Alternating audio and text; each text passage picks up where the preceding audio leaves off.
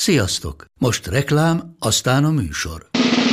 A műsor, valamint az élményekkel teli utazások, személyre szabott ajánlatok és állandó kedvezmények támogatója a Molmove hűségprogram. Nyisd meg a Molmove appot a profilodba belépve, add meg a Sport TV promóciós kódot, és tankolj Molevo és Evo Plus üzemanyagjainkból 15 forint per liter kedvezménnyel. Ne feledd, a Sport TV promókóddal most még jobban megéri Molmove tagnak lenni. Vége a reklámnak, jön a műsor.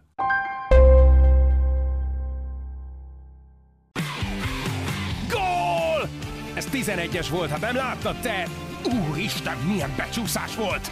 Mi mindennel kapcsolatban lesen vagyunk. Ez a Sport TV és a Nemzeti Sport közös podcastjének újabb része. Sziasztok! Ez a Lesen vagyunk, a Sporttelevízió és a Nemzeti Sport közös labdarúgó podcastja. Állandó beszélgetőtársam Monc Attila, a Sport TV munkatársa, én pedig Szeli Mátyás vagyok, a Nemzeti Sport újságírója. Sziasztok! Ugye túl vagyunk egy BL döntőn, elkezdődtek a felkészülési mérkőzések a világbajnokságra, úgyhogy azt gondolom, hogy lesz miről beszélgetni, de hát kezdjük tényleg a, a BL döntővel, amivel kapcsolatban hogy azt kérdezem, hogy volt-e olyan érzésem, mint hogyha 90 perc alatt látott volna két teljesen eltérő meccset. Hát nyilván Szalah sérülés az alapvetően meghatározta a Liverpoolnak, de valamilyen szinten a Real Madridnak a játékát is, hiszen gyakorlatilag a lecseréléstől kezdve Marcelo sokkal bátrabban és lendületesen ment előre. Illetve ugye Salah kiválása az nagyon érzékenyen érintette a Liverpoolt, ugye Mani átment a jobb oldalra, elég sokat játszott jobb oldalon, és Lallana jött be a helyére, gyakorlatilag nem sokat tudott hozzátenni a, a mérkőzéshez. Nem tudom, hogy mennyire készültek fel egy ilyen helyzetre, hogyha esetleg Salah kiválik. Felkészültek és nem jött be, vagy csak Lallana fogott ki rossz napot, ugye ezért sokat volt sérült ebbe a, az idénybe. De hát onnantól kezdve nyilván hegymenetnek tűnt. A másik meg az, hogy, hogy ugye azért két ilyen szintű kapushibát egy, egy döntőben nem tudom, hogy mikor láttunk utoljára. Igen, bocsánat, ez az egyik, amin én is gondolkoztam. Ugyanakkor tényleg ott sérülése nem közvetlenül előtte, de az első 4 óra 20 perc az maximálisan a a Liverpoolé volt inkább. Tehát, Ugye ez a tavaly Juventus akárnőben.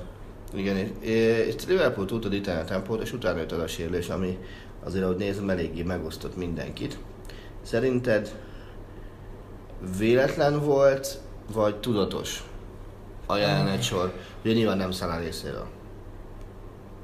Hát ez összetett kérdés. Szerintem a falt az szándékos volt, abszolút.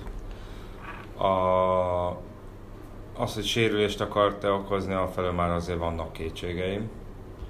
Mondjuk Ramos előéletét. Pont, pont igazából az, amilyen nem tudom egyértelműen azt mondani, hogy nem akart sérülést okozni, az Ramosnak a, az előélete. Hm? hiszen az ön számomra még nagyon élénken él az a Barcelona elleni meccs, ahol hátul düböl tisztelőből olyan nagyjából vádlik magasságba próbálta megrúgni messzit. De ez nem jött teljesen össze, mert félig meddig Lassana Diarát találta, és aztán kapott azonnal a piros lapot. Ezt érdemes visszanézni, ha, hogyha kíváncsiak vagyunk Ramos eleganciájára de még mindig inkább hajlanék a felé, hogy nem akart szándékos sérülést okozni. Tudom, hogy itt nagyon sokan érzelmesen, meg felhördőve mondták, hogy de ahogy befordult, meg ahogy lerántotta, meg ebben a testhelyzetben, ez annyira tudatos mozgás volt, hogy az volt a cél, hogy sérülést, okoz, sérülést okozzon. Én még mindig lehet, hogy, lehet, hogy akkor nevezzetek naívnak, de próbálok a felé, nem ez volt a szándéka. Az, hogy földre vigye, az, az egy. Az, az majdnem biztos, hogy tudta, hogy mit csinál, mert azért foci meccseken, amikor így egymásba karolnak, azért 10-ből 9 nem látod azt, hogy még a láb is elkezd dolgozni. Am, amin röhögök sokszor, az az, hogy, hogy mondjuk a tegnapi Cselgány szövetséges reakció, amelyik ugye leírta azt, hogy oké, okay, ez Cselgányban ismert, de tiltott fogás, amivel Ramos földre vitte az egészet, és ott ugye leírták a, szab, a, a nevét a fogásnak, meg minden Ja. ilyesmi.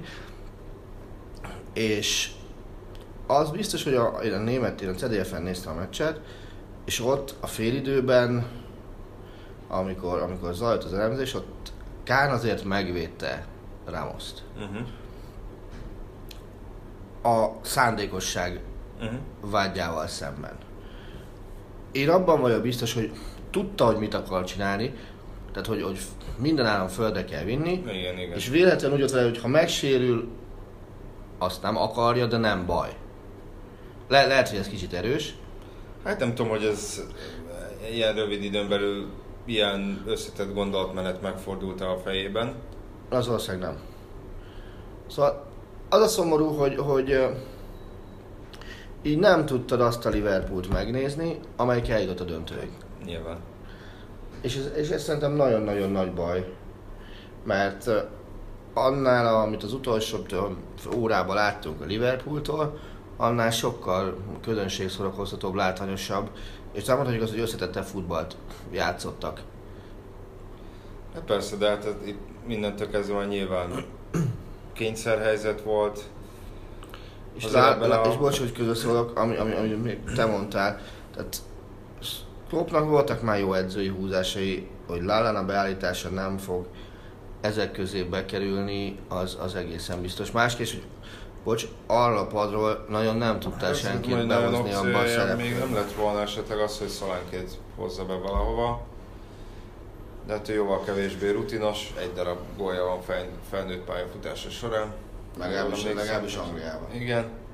Tehát uh, itt nem nagyon voltak opciói, és, és ugye azért ezt mutatja a két csapat közti különbséget, hogy a másik oldalon meg Bél jött be a padról, Igen. ami azért elég, elég jelentős, most Szalá ide vagy oda. És hát valahogy, hát úgy látom most már azzal, hogy ugye Nabi Keita már, már a zsákban volt, most jön Fabinho szerződtetését is bejelentették, a Liverpool is azért nagyjából ebbe az irányba akar elindulni, hogyha nem is bélszintű játékosokat dobáljon be a padról, de, de, de azért legyen egy olyan erős kerete, a- amiben egy, egy-két sérülés ne tudja ennyire tasra tenni a, a csapatot. Nyilván az, hogy Kariusszal szemben a többség szimpatikus, most leszámítva azokat az idiótákat, akik azt kívánták, hogy nem tudom, halljon meg a családja és stb. De, de azért meglepődnék, hogyha őt látnánk Liverpool mezben.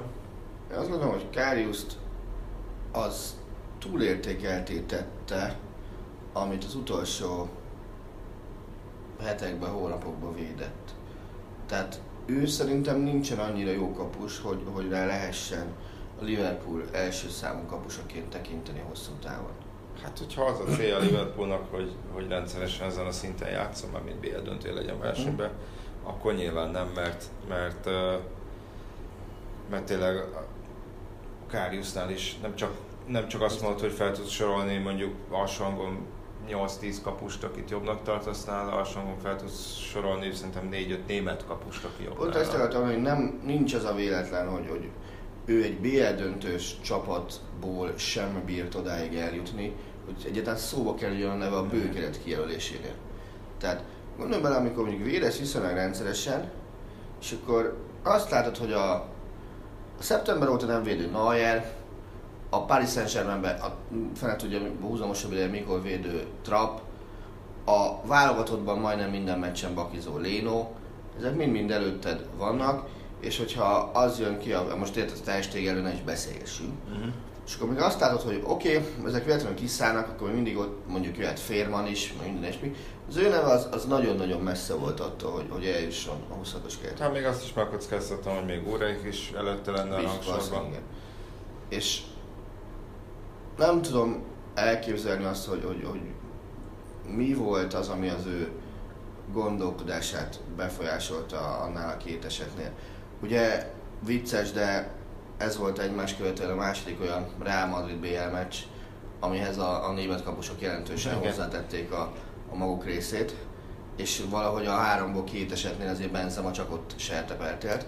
Igen, tehát ez nyilván az első gól az Benzema számlájára kell írni, tehát hogy gyakorlatilag bárki fejével gondolva, az egy teljesen reménytelen helyzet volt egy csatának. Hát a kapus felvette a labdát. Itt, itt gyakorlatilag azt mondom, hogy 100 ezerből 9999 alkalommal itt, itt semmi keresni valója nincs a csatának, amit abban a szempontból, hogy, hogy nem fogja megszerezni a labdát, Igen. szépen meg lehet állni, lehet, hogy egy kicsit lehet mozogni a védők felé, hogy megnehezítse a kidobást, de, de az, hogy ott volt, meg nyilván a reakció ide, ideje az, az azért ö, nagyon gyors volt, Azt mondd de, nekem, de hogy az hova, egy érthetet, érthetetlen volt. hova sietett Kárius? Hát ezt nyilván, főleg amikor letámadnak, akkor azért nagyon fontos egy kapusnál az is, hogy minél gyorsabban elvégezze a kirúgást, kidobást, hiszen azzal egy-két védővonalat is át tudsz hidalni. De ebbe, ebben a helyzetben szerintem semmi nem indokolt azt, hogy, hogy ne várjon egy-két másodpercet. Vagy miért nem fönn dobta ki, tehát miért lent dobta ki, amikor a távolság azért nem volt kicsi ahhoz, hogy ez a labdából menjen, tehát a gurulba menjen oda a labda. Igen. De miért nem fönn dobta ki, amiben aztán tényleg nem lehet ilyen látványosan belesülni. És hát ez lehet, hogy valamilyen szinten dekoncentráció volt. Tehát, valami, tehát én is mondom azért sajnáltam, de hát ez, ez, ez azért ez kegyetlen biznisz, tehát biztos, hogy a klubnál is sajnálják, meg, meg megértik, meg minden, de, de hát tényleg most az lesz a prioritás, hogy, hogy jöjjön egy kapus. Ugye Alissonra már 90 millió eurót uh, idéztek a Guardiannél, de hogy a Róma nyilván nem siet sehol, hiszen 2021-ig szerződése van. Itt a VB is, hogyha adott esetben ő véd és jól véd, akkor azért az, az, az még jobban a Róma tárgyalási pozícióját erősíti. Hát figyelj, nehezen tudom elképzelni, hogy ne Alisson védjen egyébként a VB-n a braziloknál. Hát uh, igen, igen. És uh, Teszem hozzá egyébként, csak hogy, csak hogy rö- rölni lehessen. A Kickernek a hétfői száma volt egy, egy három oldalas interjú Alissonnal, ha jól emlékszem, három oldal volt. Én nem tudtam, hogy ő, ő német-brazil kettős állampolgár. igen, azt én sem. Tehát ő abszolút a, azt hiszem a nagyszülei azok még teljesen Hát németek Becker voltak. a családneve. Igen, így van. Ők teljesen németek voltak, és uh, Novo Hamburgóban Aha. uh, él továbbra is, és, és valami azt is mondta, hogy ő benne nagyon sok minden megmaradt így, így ilyen németként. Aha. Tehát nyilván a karnevát meg ezeket szereti, de, de a szabad ideje van, akkor inkább nyugisan tölti el, mit tudom, kislányával, kislánynak gitározik, meg ilyen, ilyen teljesen hétköznapi dolgokat csinál, és egyáltalán nem jellemző rá ez a fajta brazilos ö, temperamentum, legalábbis ő ezt, ezt mondja Aha. magáról. Tehát, hogy, hogy most még egy ilyen, nyilván nem német kapus, ezt a vonat nem lehet folytatni, de, de ettől még, ettől még így, így csak-csak bejön így a képbe valahogy. És azért azt se felejtsük el, szerintem, hogy a Liverpool középső védelme ahhoz képest amilyen drága volt, azért nem jutott annyira meggyőző teljesítményt. Nem, de én azt mondom, hogy azért Van Dijk az jó vétel volt, lehet, hogy kellene mellé még valaki. Hát Igen, mert az is biztos, hogy, hogy, hogy nem ez a rangsorrend És ott hát- belül. Azt kellene kitalálni, hogy, hogy elő kell még egy ember, hogyha vészhelyzet van. Tudod, ki volt még szar? Firmino. Igen. De ő nagyon... Hát ez mondjuk, ez mondjuk valamilyen szinten azért a Real Madrid védelmét is dicséri, meg nyilván már azzal, hogy nem Salah játszott, kevesebb terület volt előtte. Ugye még Fekírt említették, aki jöhet a Liverpoolba előre. Igen. Na, ő de szép verseny lesz majd még nyáron, mert még, még láttam más angol csapatokkal is összefüggésbe hozni, valamelyik milánói brigáddal is, meg, meg Németországban is, ugye azzal, hogy a, a Dortmund francia bajnokságban Mhm. kapott edzőt, és a Dortmundnak ugye pénze van Így rogyásig van. az Aubameyang és a Dembele transferből, tehát hogy ők, ők, ők is be tudnak ebbe adott esetbe szállni, úgyhogy arra, arra nagyon kíváncsi vagyok, hogy őt például kiviszi el. Úgyhogy uh, nyilván most azért Kloppnak a vezetőség felé lehetnek nagyobb kívánságai, de inkább engem az idegesített, hogy itt sokan lúzerezték, hogy nem tudom, hetedik döntőből hatodikat, vagy hatodik Egy döntőt nyert meg összesen, igen, de De például azt mondom, hogy tehát az, hogy elveszíted a legjobb játékosod, arra fel lehet készülni. Nyilván nem egy, nem egy olyan forgatókönyv, amire egyfolytában ezen gondolkozol. A másik az, hogy két ilyen kapushibára nem tudsz felkészülni. Harmadrészt meg azért azt se felejtsük el, hogy, Klopp a, a döntőinek egy jelentős részét, azt, azt azért csak-csak Hát mondhatjuk korszakos csapatok ellen vívta. Hát azt a mondja, hogy általában ilyen underdog volt. Igen. Tehát ugye az volt a meglepő, hogy eljutott odáig, ugye Általában. 13-ba, 13-ba ugye a, a, a triplázó Bayern ellen kapott ki a BL döntőben utolsó előtti perces góllal körülbelül. Most kikap egy olyan Real Madridtól, amire tényleg aztán abszolút rásüthetjük a, a korszakos jelzőt, hiszen Zsinórban nyertek hármat, ráadásul az utóbbi kettőt úgy, hogy tök ugyanazzal a kezdővel, Igen, ami ugye legutóbb Európai Kupa döntőben a 70-es években volt, hogy Kovács István hiszem 72-ben és 73-ban Ajaxot. küldte az Ajaxot ugyanazzal a kezdővel pályára. Szóval ezek, ezek mind mind olyanok is, érted, hogy nyilván az angol trófeákat sem a, izé, a Rochester meg a, a, meg a Rochdale ellen vesztette el, Mhm. hanem sokkal, sokkal keményebb, meg komolyabb csapatok el. Ugyanúgy, hogy Németországban is a, a kupa döntőben nem a, a, az Ulm meg a Saarbrücken volt az ellenfele. Igen, hát ott a Sevilla elleni Európa Liga döntő ki valamennyire a, a sorból. A bizére gondolsz a tavaly? Nem Előttire? tavaly előtti volt, azt hiszem. Azt mondtam, hogy Ö, Szóval ezzel nem nagyon értek egyet ezzel a lúzerezéssel, és hogyha már korszakos csapat, igen, beszéltünk korszakos csapatról. Viszont az egy kicsit érdekes, hogy hogyan jól behatárolható játékstílusa talán nincs ennek a, ennek a csapatnak. Tehát szerintem, tehát mondjuk, hogyha most a Barcelonával has, hasonlítom össze, és azt is korszakos csapatnak ö, nevezték a Guardiola féle Barcelonát, pedig az nem nyert ö, sorozatban három back BL, vagy három BL győzelmet. De hát nyilván a, a, az utókor az tényleg úgy fog erre a Real Madridra visszaemlékezni, hogy, hogy ennek az érának egy meghatározó együttese volt, és hát ezt igazából senki nem veheti el tőlük. Most ki akarja elvenni tőlük? Hát nyilván minden ilyen győzelem után vannak olyan hangok, hogy de hát, hogy a szerencse, mert ebbe az idényben az Órej hibázott, aztán a Karius hibázott, aztán az előző idényekben a bírók hibáztak. Tehát, uh, Megoldjuk. tehát mindig, uh, mindig bele lehet kötni igazából minden, minden sikerbe. De, de, nem, ér, de nem érdemes, mert, mert tényleg, tényleg ez, egy, ez egy nagyon jól összerakott csapat. És hát Zinedine Zidannak edzőként, vagy legalábbis madridi vezetőedzőként nem volt olyan idénye, hogy ne nyert volna bajnokok ligáját, ami önmagában tényleg elég furcsán hangzik. De, de tényleg igaz. És most, hogy így ezen hosszú monológ végére elértem, azért van kötekedni való is. Már pedig Cristiano Ronaldo. Akkor ugye az valami ilyesmit mondta, hogy nagyon jó volt Madridban játszani. Ja, nem volt olyan érzésed, hogy azért mondott ekkora parasságot egy, egy, egy megnyert döntő után, hogy nem róla szólt a döntő? De, hát ez részben igen. Ez a, jaj, nézzetek ide, nézzetek ide, bérugott két gólt. Ebből az egyik az mondjuk a BL döntők történetének talán egyik, hanem a legszebb gólja. Hát a legjobb háromban biztos benne van. Hozzáteszem, nekem Zidane jobban tetszett, mert a- azt, az nem tudom megmondani, hogy miért. Az a ide nézzetek, ide nézzetek, figyeljetek rám is, rám is, rám is. Azzal már nekem is kezd kicsit telni a putanyom, hogy fél évente panaszkodik, hogy ő mennyire rosszul érzi magát Madridban, meg hogy milyen szomorú, és akkor, és akkor ezt bedobja. De most ugye tegnap nem is tudom melyik portugál haverja, volt futballista, most a neve nem fog eszembe jutni, nyilatkozta, hogy, hogy most azért érzi rosszul magát, mert a vezetőség nem tartotta be az igényét, és nem hajlandó vele olyan szerződést kötni, mint amilyet a, a Barcelona kötött Messivel, vagy Iniestával, illetve a PSG Neymarral, és hogy alul fizetetnek érzi magát. Ugye most nyilván az alul fizetettség az egy, az egy relatív kategória, tehát az, hogy 20 millió euró fölött keresel egy szezonban, és azt mondod, hogy alul fizetett vagy, az viszonylagos.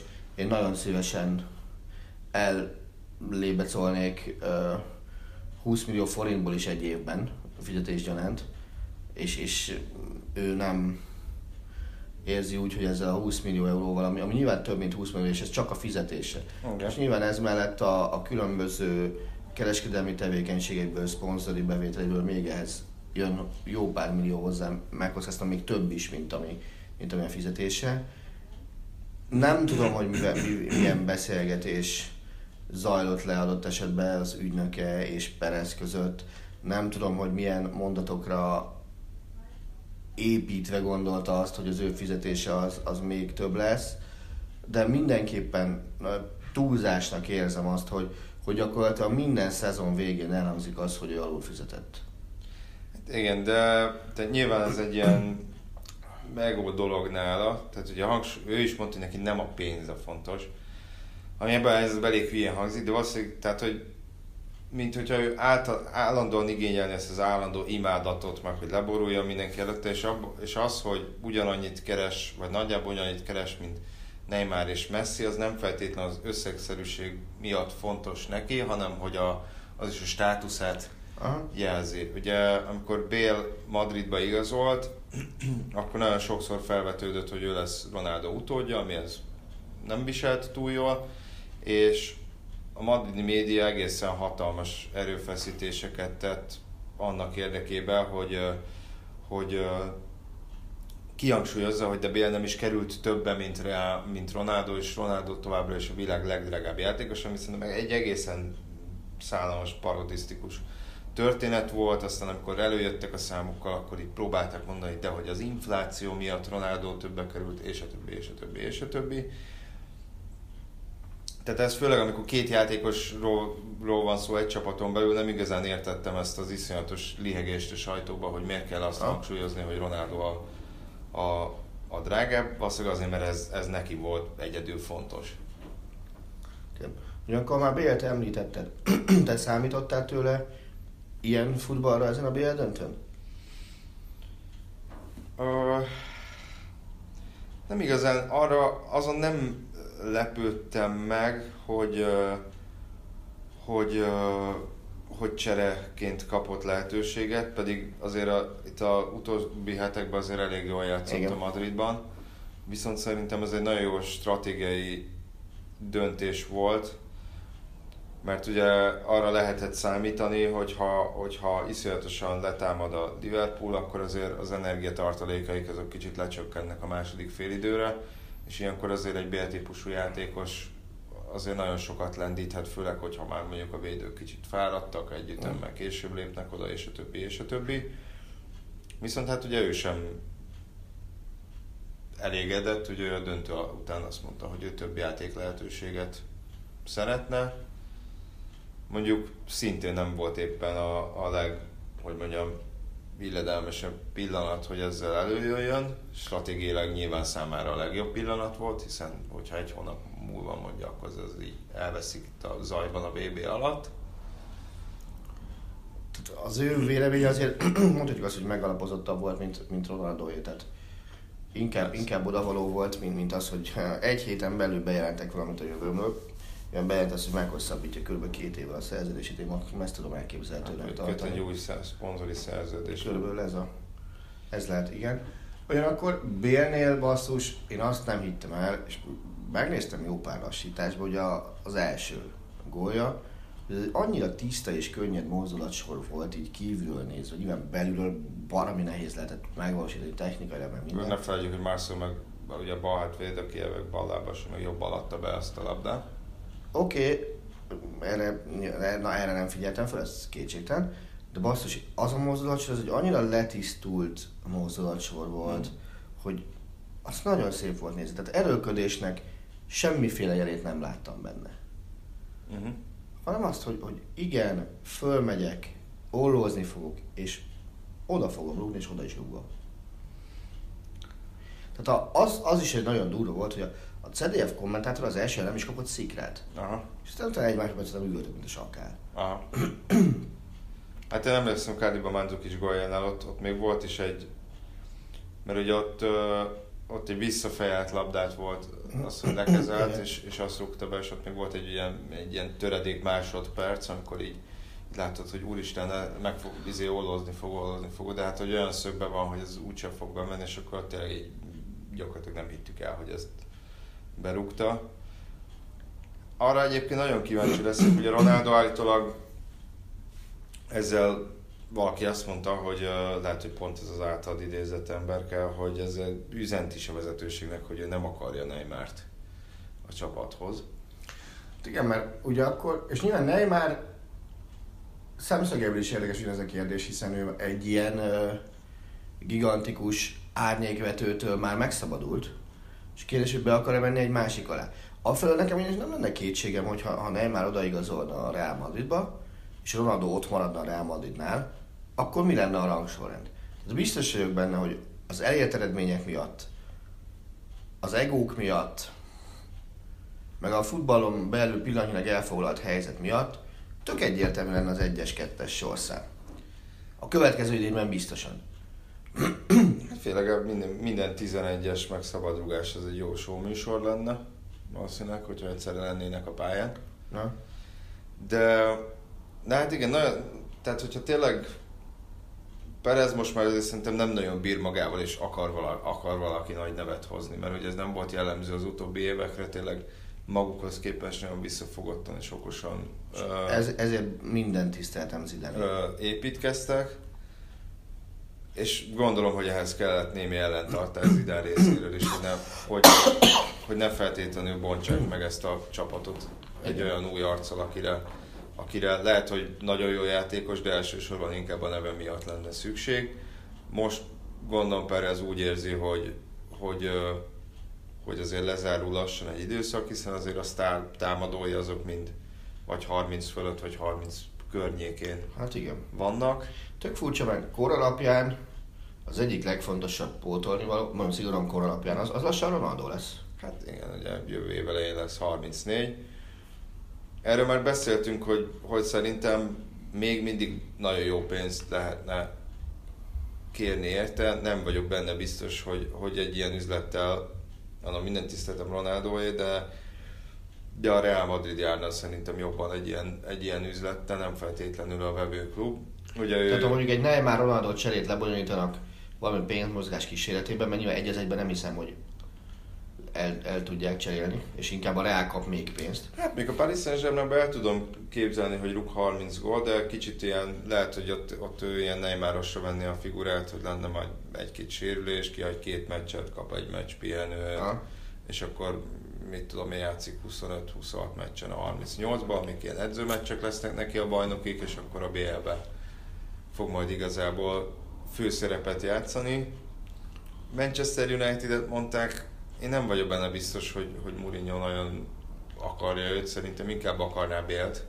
Az a Unitednek szerintem csak olyan játékos érdemes most már venni, aki 3-4-5 évre tervezhetően bekerül egy csapatba, és, és nem és, és beleillik egy olyan csapatba, amit építenek fölfelé.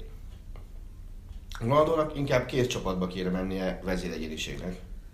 Az baj, az a baj szerintem Ronaldo kapcsán, hogy, hogy fizetésileg és, vétel, és a vételára tekintve is hatalmas befektetést jelentene. Ugye 33 éves. Most, hogyha csak tisztán a gólszámot nézzük, azt mondom 44 gól az zárt. Az idején 15-öt rugott a BL-be, ugye simán gól király lett ezzel.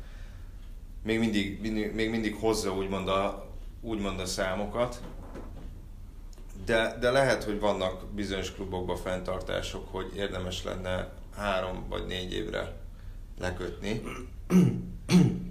és magukhoz Eleve hány klub- láncolni. Hány klub engedheti meg magának a vételárát? Hát nem sok. Most már nem azt mondom, szerintem nem, nem, nem ő lenne a világ legdrágább játékos. ah. Tehát vételára alapján. De hát akkor is nagyon sok pénzbe kerülne. A BL kapcsán olvastam még egy érdekes forgatókönyvet, ami azt mondom, hogy szerintem talán egy százalék esély van rá, az az, hogy, az, hogy tehát nem akarja őt vissza, viszont ahhoz neki jelentős fizetés csak, vagy még az is, az is lehet, hogy az alapfizetése az nagyjából hasonló lenne Ah. Madridban, de, de összességében azért, azért kevesebbet keresne. A Bélel kapcsolatban láttam leírni kedvenc német csapatomat is már. De én azt gondolom, hogy az a Bayern vételár... kapcsolatban megint az, hogy 120-150 millió eurót egy játékosra nem, nehezen tudom elképzelni, hogy a Bayern kifizesse. pont ezt akartam mondani, hogy biztos, hogy nem fog együtt fizetni a Bayern M- játékos. Még akkor is azt mondanám, hogy ha, hogyha tényleg Rummenigge annyira felül kerekedik átigazolási ügyekben, hogy ő mondja ki a döntő szót, még akkor is valahol meglepődnék. Én is, így van. Talán most ugye Real most még kell hiszem kettessel kezdődő számot mondott elsőre. Bár ugye tavaly, tavaly is felvetődött Bél eladása, ha jól emlékszem, és akkor a, az ő táborából inkább azok a hangok jöttek, hogy, hogy, hogy ez nem, a, nem miatta van, hanem, hanem inkább a klub próbál pénzt csinálni belőle. Oké. Okay. Real Madrid, eladás, vétel. Ha egy játékost kell mondanod, akkor kit kellene, kit vennél meg most a Real Madridba? Hát ez egy nagyon jó kérdés. Azt mondom, hogy a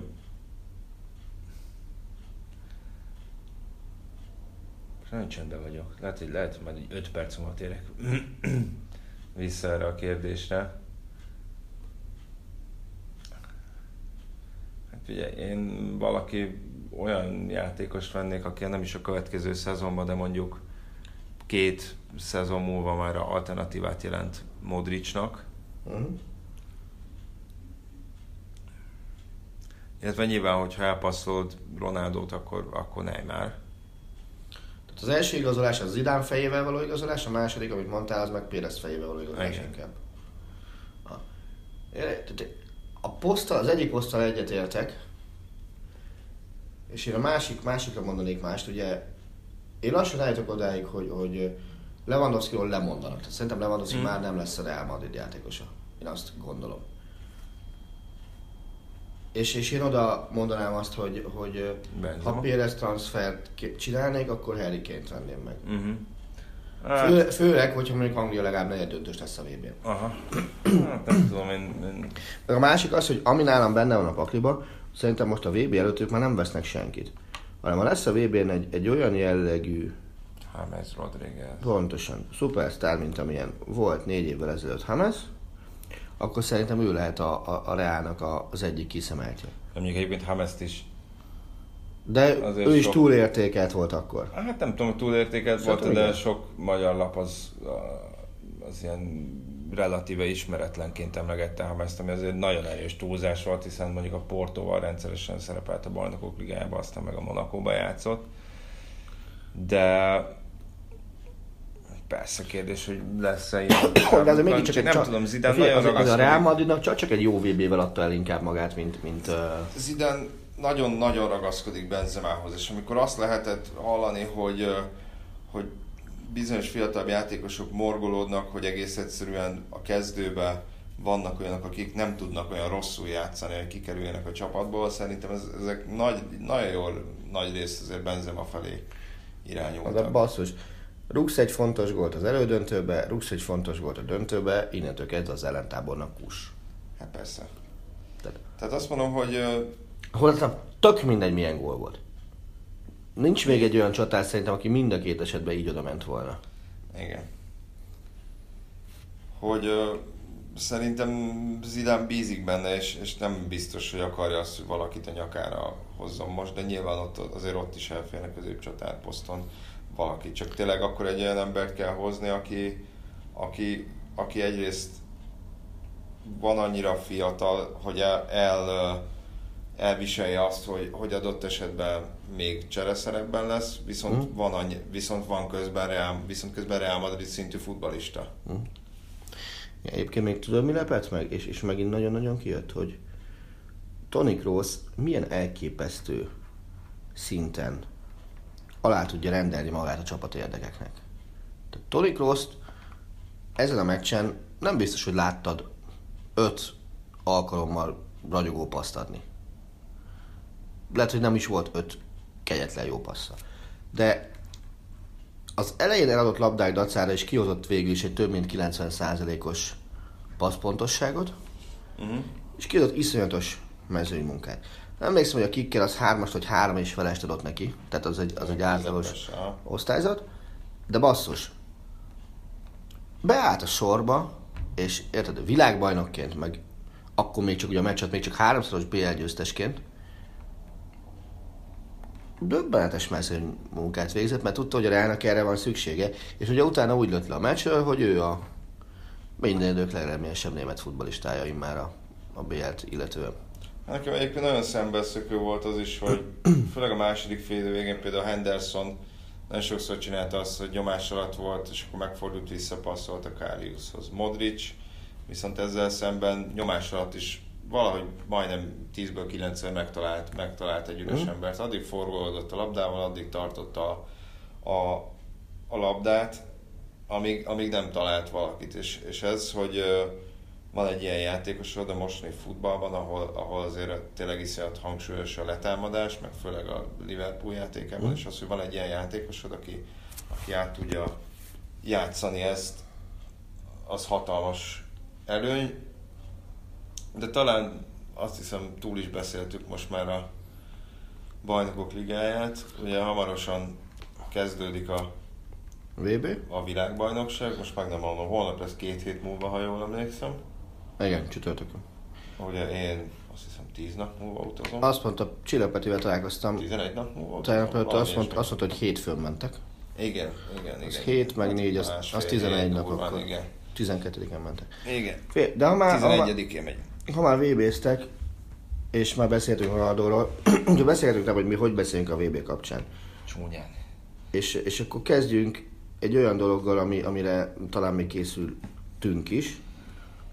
És akkor kezdem én. Szia saját Jó. Na, majd meg Kezd, kezdem én, hogy, hogy Ronaldot említettük, és hogy arról beszéltünk, hogy hozzon mindegyikünk egy-egy olyan csapatot, amelyik pozitív, és egy olyat, ami negatív meglepetéssel fog szolgálni Ó, a akkor azt hiszem, azt hiszem, itt a negatívnál itt lehet, hogy akkor vélemény azonosság lesz, nagyon azt érzem. Én Portugáliát mondom. Én is. Én azt gondolom, hogy a portugálok ezen a tornán nem tudnak eljutni a legjobb nyolcig se. Hát figyelj, ha jól emlékszem, ők a... Mert honnan kaphatnak nyolcad döntős ellenfelet? Azt hiszem a, szerintem a Ruszkik csoportból talán. Igen. Talán, mintha az lenne a keresztbe játszó partner. Hát, hogyha, B, az, hogyha B2-be, tehát hogy B csoportban vannak, ha B2-n végeznek, akkor az A1-et fogják Igen. kapni. Az ugye az Uruguay, Oroszország, Szaudarábia, Egyiptom, Egyiptom. négyesből valaki. Ami, ami szerintem azért szerencsés részükről. De ettől függetlenül nem látom ebbe a portugál válogatottba azt, hogy, hogy Európa bajnokként nagyot alkosson. Nem, ahhoz képest, hogy megnyerték az Európa bajnokságot, és hogy milyen elvárások lesznek, én is azt mondom, hogy, hogy,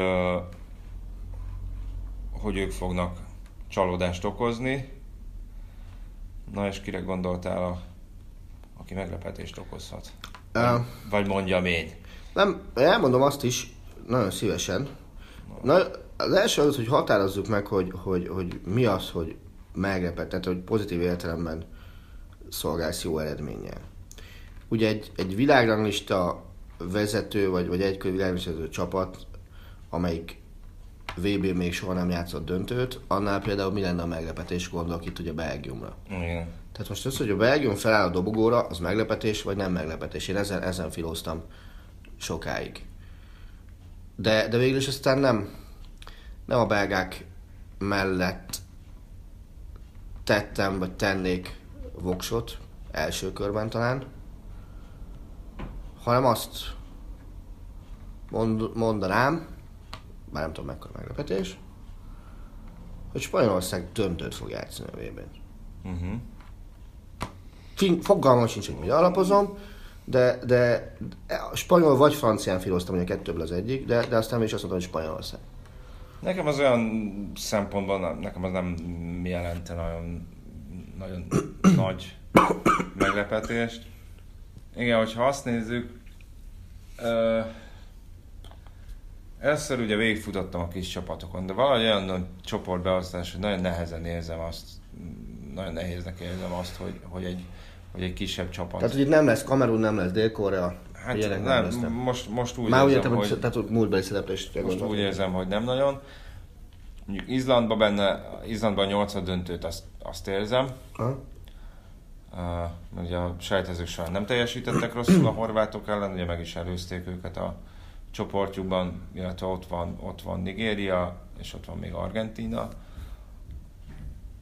Az, a, az Argentin, igazából az argentinok és az angolok azok, akikre úgy, úgy érzem, hogy most ilyen nagyon visszafogott elvárásokkal mennek a tornára. Ha? Vagy mehetnek a tornára, de ahhoz képest mégis jobban teljesíthetnek, és nagyon gondolkoztam Marokkon igazából, csak Marokkó, Marokkó egy nem jó csoportba került. Ugye a spanyolokkal, portugálokkal és Iránnal van. Figyelj, itt a meglepet, a negatív szenzáció, hogy gyorsan beigazolódhatna akkor. Igen, igen. Egyébként visszatérve még gondot elég a portugálokra. Csak ugye éppen, Ja, bocsánat, ez azért is nehéz, mert, mert nyilván itt az ember ezt a 32 csapatot, ezt azért nem látja rendszeresen. Azt mondom, mondjuk, hogyha csak az elmúlt két évet nézzük. Tovább, És nem ugye tovább, a- még az európaiakat se látod És ugye alaphangon ilyenkor próbálsz valamit a kerettagok összességéből valamiféle hát nem tudom, formát vagy szintet összerakni magadba, de attól, attól függetlenül, hogy mit tudom én, Son rugott, most mit tudom, 18 gólt a Tatanembe, az még nem, az még nem borítékolja azt, hogy mondjuk Luke 3-4 volt a VB-n a dél-koreai színekben. Hát az oroszokra is, oroszokra is nagyon kíváncsi leszek. Szerinted mi lenne, mi lenne a, mert ugye erről, erről filozofáltam valahol, hogy ugye az oro, mindig mondják, hogy az oroszoknak rendezőként ugye kiugró szereplést kell produkálni, úgy gyakorlatilag most kis tudással kötelező, de nyilván rendezőként más-más a kiugró szereplés. Basszus. 2010-ben Dél-Afrikának az kiugró lett volna, hogyha tovább jut a csoport, ahogy 8 döntőt játszik. 14-ben a braziloknak gyakorlatilag a győzelmen kívül minden csalódás. Ez így van. Aztán ráadásul ugye milyen formában bukták el az elődöntőt, ez más kérdés. Itt vannak az oroszok. Hát szerintem is az oroszoknál gyakorlatilag a nyolcad döntő lehet az, amire azt, azt mondod, hogy oké, okay, rendben. Igen, és, és nem vagyok benne biztos, hogy el fogják kérni a 80 Hát ebben nincsen. Tehát én azt gondolom, hogy oké, okay, ha nézed azokat a válogatottakat, ugye Ruszkik, Uruguay, Egyiptom, Szaudarábia, ez a négyes. Ráadásul a szerintem legkönnyebb ellenféllel kezdenek, hogy az a nyitó meccs, hogy. Oroszország, Szaudarábia. Ez, ez biztos, hogy önmagában nem egy rossz dolog az oroszok számára. De ha Egyiptom ugye úgy játszik, hogy Szalával, és úgy játszik, hogy mer tempót játszani az oroszok ellen, akkor szerintem az is benne, hogy megveri az oroszokat. Én nagyon meglepődnék, Uruguay, ja bocs, mondjam. hogyha az oroszok a, szerintem az oroszok alapvetően, aztán persze lehet, hogy a meccsképet befolyásolja, de szerintem az oroszok alapvetően mindenki ellen egy ilyen elég defenzív egyetértek. felfogásban fognak játszani. Úgy, hogy igazából olyan klasszik, vé- nagyon jó védekező középpályásuk nincs is, mert azt hiszem Gyenyiszov, Gyenyiszov talán a, a papíron talán a legjobb ö, középpálya, védekező középpályásuk, de ő meg, én meg évek óta szóba se áll a Stanislav Csercsaszov szövetségi kapitánya, tehát nem hiszem, hogy most a semmiből hirtelen visszatérne a, a válogatottba. Meg a másik az, hogy amit ugye, az oroszoknak mindig vannak olyan időszakok, amikor tudnak egy-egy kiugróan jó világeseményes szereplést produkálni egy bizonyos határig. Ugye, ha, ha nézzük ugye a 2008, 2008, előtte talán azt hiszem 1986 az biztos ilyen volt, 88. Ja, nyolc- EB. 88 EB, igen, Hát az volt, a, az volt a furcsa, hogy ugye 8-ban megnyerte a Zenit az UEFA kupát is, tehát ugye ott minden jel arra mutatott, hogy ebből, ebből lehet valami, és aztán a következő VB-re már ki se jutottak. igen. Nem látom ezekben az oroszokban azt, hogy nyilván a Uruguay meccs az a harmadik lesz a csoportban, azt nem néztem meg. Szerintem igen. Na, még az, az lehetne még egy becsetes rúdalódzás, hogyha ha, ha úgy alakul. És tegyük hozzá egyébként azért is nehéz helyzetben van Csercseszov, mert hát ugye a, a, a rutinosabb védői közül a két Berezucki visszavonult, elvileg Ignasevics is, csak, csak megsérült két alapon bennek szent ember, úgyhogy most Ignasevicset visszahívta. Bár nem tudom, hogy végül a szűk keretbe is bekerül, mert volt egy, az már egy harmadik sérülés volt, ugye elől Kokorin dölt ki, talán márciusban, Azt láttam azt a meccset, basszus. Úgyhogy azt, azt se lehet mondani, hogy mondjuk a körülmények is olyan iszonyatosan segítenék őket.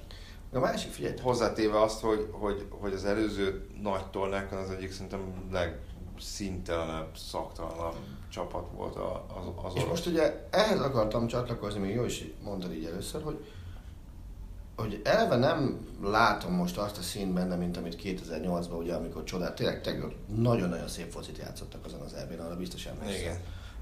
Nem látom egyrészt ezt benne. Másrészt viszont látok a lelátón orosz szurkolók tízezreit, és fogalmam sincsen, hogy ez a csapat milyen nyomással a lép majd pályára, illetve mekkora elvárást támasztanak vele szemben most odahaza.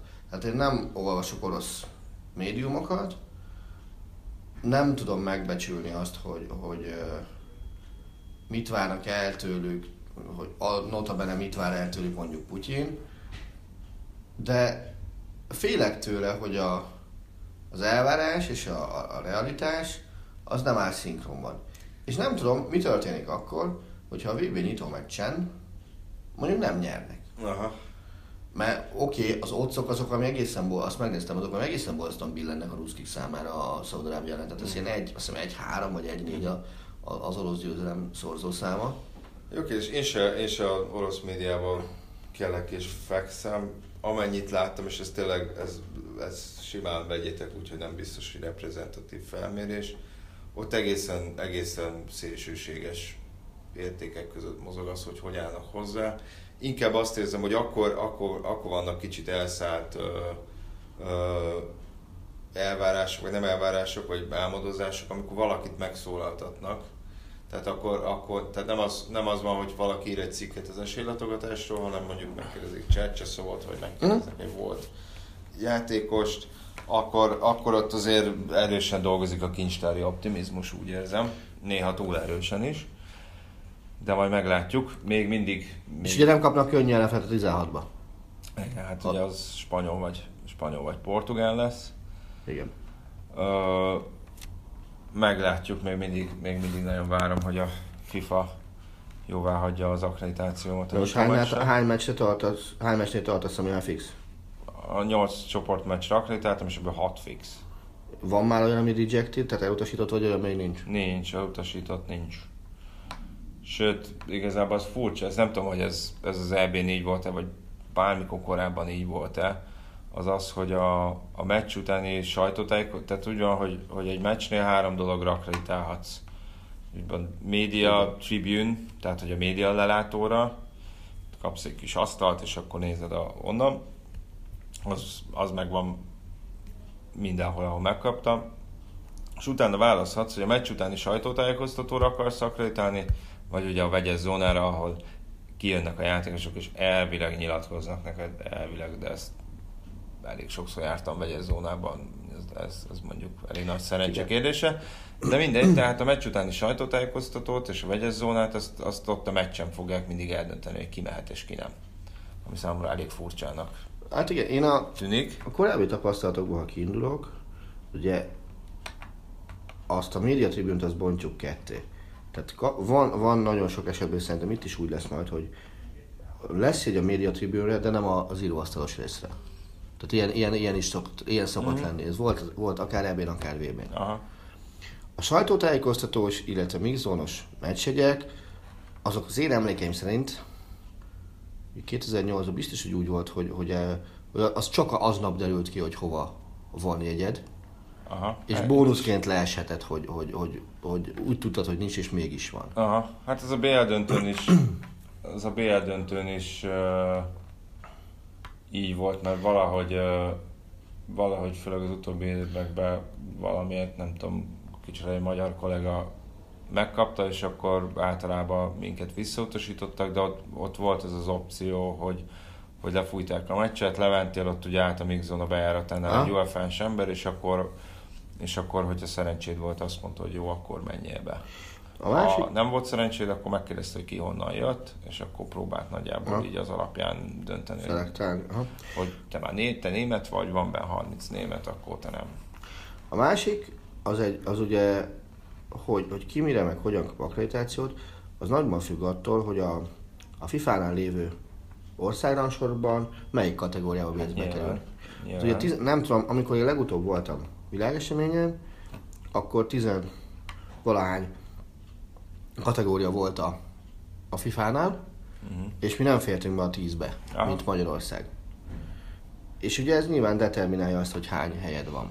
Persze. A leg, ebből a szempontból a legdurvább emlék az, az, a, az, az a izébe volt, az a 2002-es VB-n, ugye amikor már előtt, hogy Német-Brazil van a VB döntőbe, uh-huh. és ugye Németországból még jött egy adag újságíró az utolsó meccsre. És az rendben van, hogy ilyenkor szerencsére a FIFA meg az UEFA is normális, és akik az egyenes késéses szakaszban minden játéknapra kértek meccsjegyet, uh-huh. és föl is vették, ez nagyon fontos, uh-huh. azok megkapják a döntőre már. Ott már, nem, uh-huh. ott már nincs beutasítás. Viszont az nagyon durva volt, hogy, hogy a, a VB döntőnél mondjuk a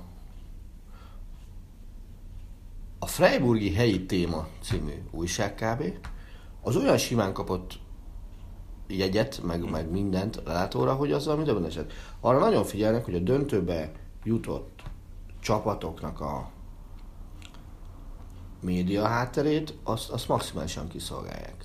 Aha. És, és ugye ebből a szempontból talán négy-öt olyan vállalatot van, abban hát egyik most nem lesz ott, uh-huh.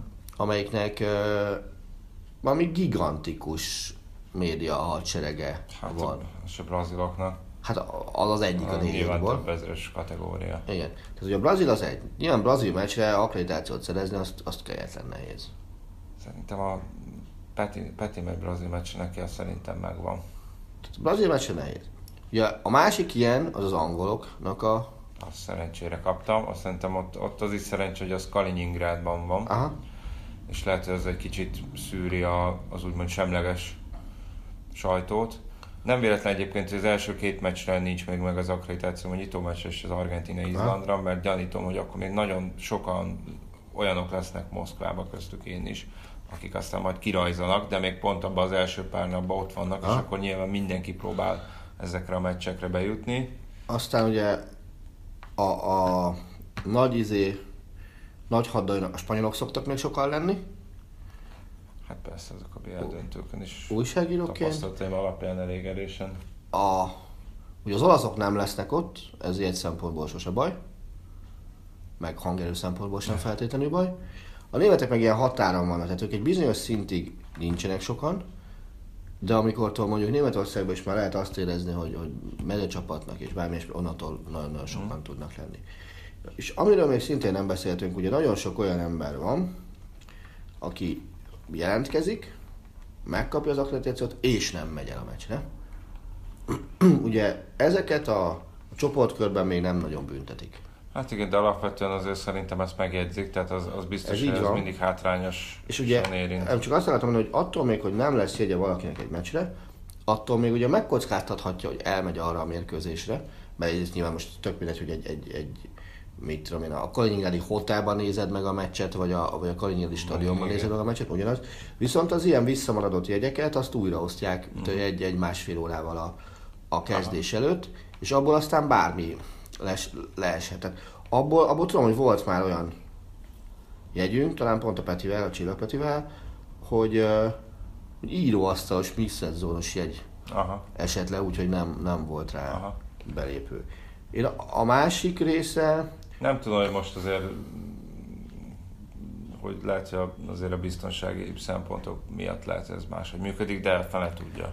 hát nem hiszem, tehát a biztonsági szempontok itt majd az ellen, a bejutásoknál lesznek érdekesek. Arra meg nagyon kíváncsi hogy, hogy például azokat hogyan.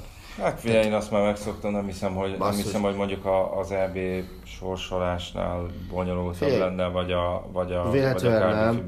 Döntő. Én a, ebből a szempontból a legbonyolultabb bejutási rendszert, azt, azt 2002-ben tapasztaltam, Teguban, Dél-Koreában, amikor az első biztonsági zóna az 5 kilométerre kezdődött a stadiontól. Uh-huh. Ott volt az első átvizsgálás. És utána egy kicsit egy utána néztem annak, hogy vajon miért, és aztán kiderült, hogy Tegu az tulajdonképpen egy ilyen rendőr állam, vagy, vagy nem uh-huh. tudom, hogy fogalmazott Dél-Koreában, és ami irgalmatlan biztonsági ellenőrzések voltak, mire, mire ott, ott bejutottál. Hát ezt tudom, hogy a, a, az EB sorsoláson ott úgy volt, hogy hogy bementél az, az épület előtt álltak rendőrök, azok megnézték a táskádat, akkor bementél, 20 méter múlva voltak biztonságiak, azok is ott áttapogattak, akkor fölmentél egy, egy ilyen 30 méteres mozgólépcsőn, ott egy ember az nem kutatott át, csak valamivel ott leszkennelte az akkreditációdat, aztán utána átmentél egy ilyen reptéri kapuszerűségen, ugye kipak, ki kell pakolni mindent, és akkor utána jutottál be oda, ahol a sorsolás van, de még mindig nem magába a terembe, és amikor magába a terembe akartál menni, akkor még egyszer átvizsgáltam. Ebből a biztonsági ellenőrzésből a, a fő kedvenc, sajnos nem voltam csak elbeszélésekből tudom, az a 2001-es uh, Scrantoni női box VB volt. nem is a helyszíni biztonság, reptéri biztonság, ugye 9-11 után voltunk már pár héttel, ki, nevek nélkül fogom elmondani, a kiváló magyar vállalatot már jött hazafelé, női vállalatot, és akkor reptér ugye csomagok haladnak át a Tencen ugye óriási rendőri jelenlét van minden, és akkor az egyik edző csomagja így megérkezik a hogy hívják ezt a ketyerét? Most nem, nem jut eszembe a neve. Ez az átvilágító. Átvilágító, ben, tudom aha, mi a... az alá megérkezik, és általában a következő jelenet az az volt, Hiszen ezt már hallottam ezt a történetet, de igen, ezt érdemes megosztani. hogy, hogy a, élesítik a fegyverüket a rendőrök, és uh, azonnal kiszedik a magyar edzőt a sorból, aki ugyanis úgy érezte, hogy egy szamurájkard az simán felvihető a repülőgépre kézipodgyászként pár héttel 9 után. Kiszedték a sorból, nyilván az edző beszélt minden nyelven, a világ összes nyelvén, ezért a következőket tudta üvölteni. Ajándék, Kö, ige kötőszó, ajándék, ige kötőszó, és, és nem értette, hogy ott miért viszik onnan el, és ki az az őrült marha, aki egy szamurájkarat akar hazahozni kézipodgyászként. Hát igen. Olyan, az nem normális. Biztos, hogy nem normális. De egyébként a brazilokkal is történt valami hasonló, azt hiszem 9, az már nem emlékszem pontosan a történetre, majd, majd utána nézek, 94-ben volt az azt hiszem, hogy iszonyatos nagy balhé volt, mert valami több tonnányi cuccot hoztak haza Amerikából, és akkor ott a szövetség összeveszett a vámosokkal, hogy mit tudom én, valami 35 tonnányi cucc van, de hogy ők azt nem hajlandók, nem hajlandók vámot fizetni utána, és, és, azt, mond, és azt mondták a vámosoknak, hogy hogy akkor, izé, akkor, akkor nem fizetnek, akkor nem lesz felvonulás, meg nem vonulnak ki a szurkolók és akkor ez majd az ő hibájuk lesz, majd küzdjenek vele azzal. És akkor azt hiszem valami teljesen kompromisszumos, hát ilyen latinos megoldás született, hogy most mit tudom, lehet, hogy nem volt annyi, de mondjuk itt a 35 tonnából 4 tonnán járút vámoltak el, és fizettek, fizettek ki. Ebből a szempontból ugye még az 50-es években lehetett jó Magyarországon, amikor a... Ezen lepődtem meg, hogy ez mondom, az, az 94-es VB után volt, tehát, tehát ez már, már ott, ott még vasfüggöny sem volt. De úgy látszik, onnan is hozták haza, mit tudom én, a kávéfőzőket, meg a videólejátszókat, meg nem mit tudom én micsodát. Hát nem tudom, de, de ez mindenképpen érdekes. Ez Egyébként maga az ilyen világbajnokság, meg Európa bajnokság az, az abból a szempontból is érdekes, hogy, hogy mennyire szigorúdik a rendszer. Tehát ugye amikor nekem az első eb az, az 2000-ben volt, ugye a belga-holland EB, 21 néhány évesen, ugye annyi mászik volt, hogy beszéltem a nyelvet, de hát ott basszus az, hogy biztonság. Tehát semmiféle félemérzet nem volt az emberen. Tulajdonképpen az volt a kérdés, hogy mennyire tudsz előre hatolni a biztonsági zónán belül autóval, hogy lehetett még a kocsit a stadionhoz közel, mert annyira lehetett menni.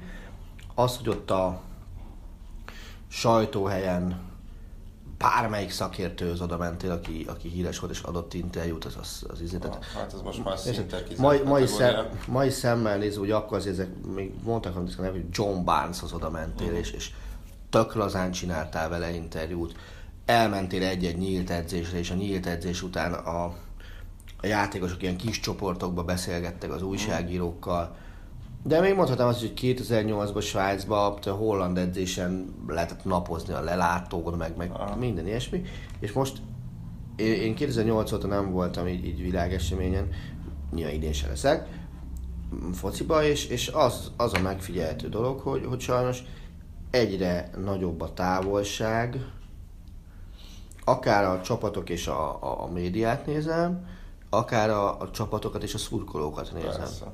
Hogy, hogy egyre jobban elválasztják egymástól, és, és sajnos a, a korábbi ember közeliséget azt, azt elveszítik, és ez nem tudom, hogy, hogy hosszú távon mit, mihez fog majd vezetni. Mert oké, okay, hogy most még iszonyatos pénzek mennek a futballba, de előbb-utóbb minden ilyen spirál meg szokott fordulni. Izland És a- az talán kivétel egyébként, de már most nem a média felé. Lehet, hogy kivétel basszus, meg, meg Hollandia egyébként mindig is jó példa szokott lenni. De, de basszus az, hogy, az, hogy mondjuk most, amikor hétvégén voltam Kölmán a kézabda Final Four-on, és így német újságírók, meg éppen a német hatott edzőtáborából tartottak valahova, és úgy mellettem beszélgettek a reptéren, tehát ott is olyan történeteket meséltek már, hogy, hogy meg volt hirdetve az, hogy aznap délután nyílt edzés, meg minden ilyesmi, valamelyik ilyen kezdő napon, és akkor kiderült, hogy az tulajdonképpen csak úgy nyílt edzés, hogy egy bizonyos kiválasztott szponzorcsoportnak és az odatartozó emberek gyerekeinek nyílt, de úgy hirdették meg, hogy nyílt edzés, és, és többen maradtak végül kint, mint ahányan bejutottak, mert nem mindenkit engedtek uh-huh. be. Tehát, és úgy, hogy még, még ebből, ebből a szempontból ez még nem is a legrosszabb, mert legalább beengedtek valakit, de hát csomószor úgy van, hogy be se engednek. Uh-huh. Egy napon belül változtatnak programokat, meg, meg minden ilyesmi. Hát ez, ez sajnos, ez sajnos benne van egyébként.